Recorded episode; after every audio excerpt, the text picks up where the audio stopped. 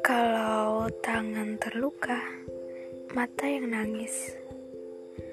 Kalau matanya yang menangis, tangannya yang menghapus air mata.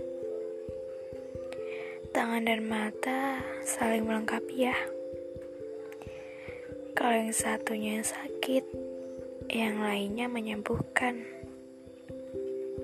Bukan malah menambahi sakit. Seru ya kalau kayak gitu.